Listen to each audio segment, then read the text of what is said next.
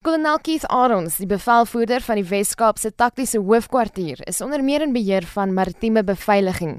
Dit sluit in die beweging van onwettige persone en goedere oor die land se grens.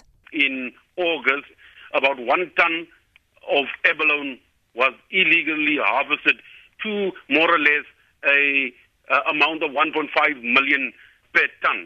So you can see the the extent of the problem. Our first operation we started in August by using a naval vessel, the SAS uh, Makanda, which basically patrolled the specific eastern part of my area of responsibility. That is now the Gansbaai Hermanus, Anniston, Buffelsjag area. Die weermag is in Gansbaai naby Hermanus ontplooi waar 'n basis by die hawe opgerig is. As part of the Joint Force Employment Guidelines, uh, I, as the, uh, the officer commanding of this tactical headquarters, are allowed to do certain operations under certain conditions. Unfortunately, we do not have permanent allocated forces like the other tactical headquarters. So, as part of my Joint Force Employment Guidelines, uh, based on the intelligence, we then execute operations. Yes, unfortunately, we are not physically on the ground right now. How, however, we maintain the situational awareness uh, by gathering the information from our uh, sister departments uh, like the uh, SAPS, like uh, DEF, uh, where we can build a picture to plan future operations. Volgens Arons word mense uit arm gemeenskappe deur syndikaate uitgebuit. Hulle grootste uitdaging is dus die swak sosio-ekonomiese stand van sake in die omliggende gemeenskappe. Die intimidering van plaaslike beamptes is nog 'n uitdaging. The local official is living among the poachers. Him and his family are on a daily basis they have to face these poachers and that's where the intimidation uh, uh, comes from. And then obviously, uh, a well-known fact is the corruption. If you can recall, a few uh, officials were arrested during a Hawks operation. Hy meen 'n holistiese benadering moet gevolg word om die kwessie ordentlik by die horings te pak. We need to have continuous deployments. And this is the responsibility of not only the SA NDF but all departments because this is not our main responsibility. As the SANDF, my main responsibility is maritime border protection. And the protection of marine resources is but one of those activities. Hy waarsku dat landsburgers die stroopers nie moet konfronteer nie. They are armed, they are big groups in some places up to 30 poachers. So one individual against 30 poachers, you're just putting your, uh, your own life in danger.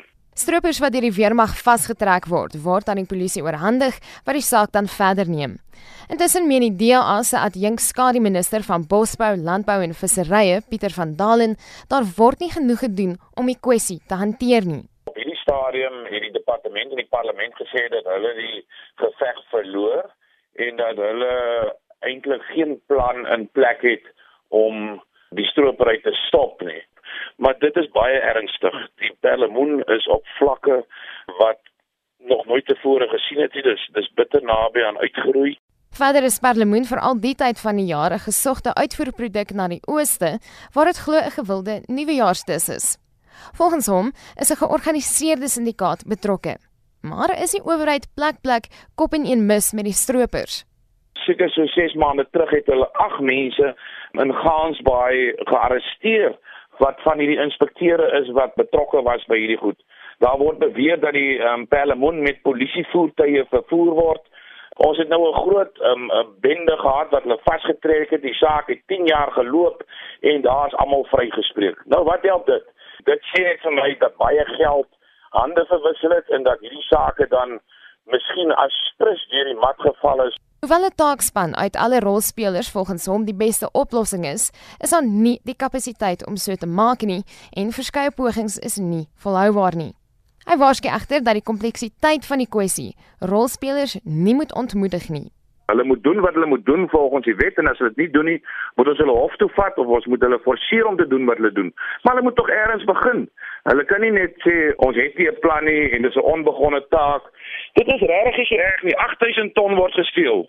Dink vir jouself, waar gaan die 8000 ton by die land se grense uit?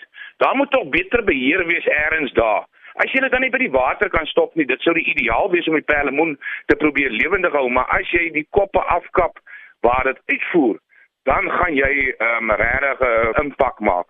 Jy moet sorg dat dit nie by die land se grense uitgaan nie. Hy sê inwoners moet aanhou om geraas te maak oor die saak. Bly demand dat daar opgetree moet word. Moet net nie dit aanvaar dat dit maar normaal is nie. Asseblief mense, hou aan skree en skel en moenie opgee nie. Intussen sê direkteur by die departement van landbou, bosbou en vissery, Themba Viko, dat daar nou op 'n internasionale vlak samesprekings gehou word. The traditional way of patrolling our coasts and the traditional way of doing our joint operations with our stakeholders is helping, but it's not actually giving us the biggest intended results. That is why our move now is also roping in the international communities, you know, as well. As I speak to you, as a department, you are in the process of negotiating with China so that you can also have a bilateral agreement with them so that they can also assist us in dealing with poaching. Met verwysing na die weermag se teenwoordigheid, sê Wiko, die regering beskik nie oor die kapasiteit om stropery voldoende die hoof te bied nie. Really is in Overbank.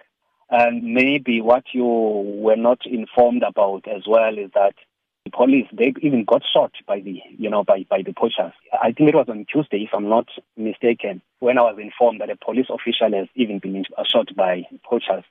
That is the kind of environment because once you come to an end of your operation, it looks like now they come to, to cover up for the time that they, they had not been poaching because we recently had the South African National Defence Force operating in that space.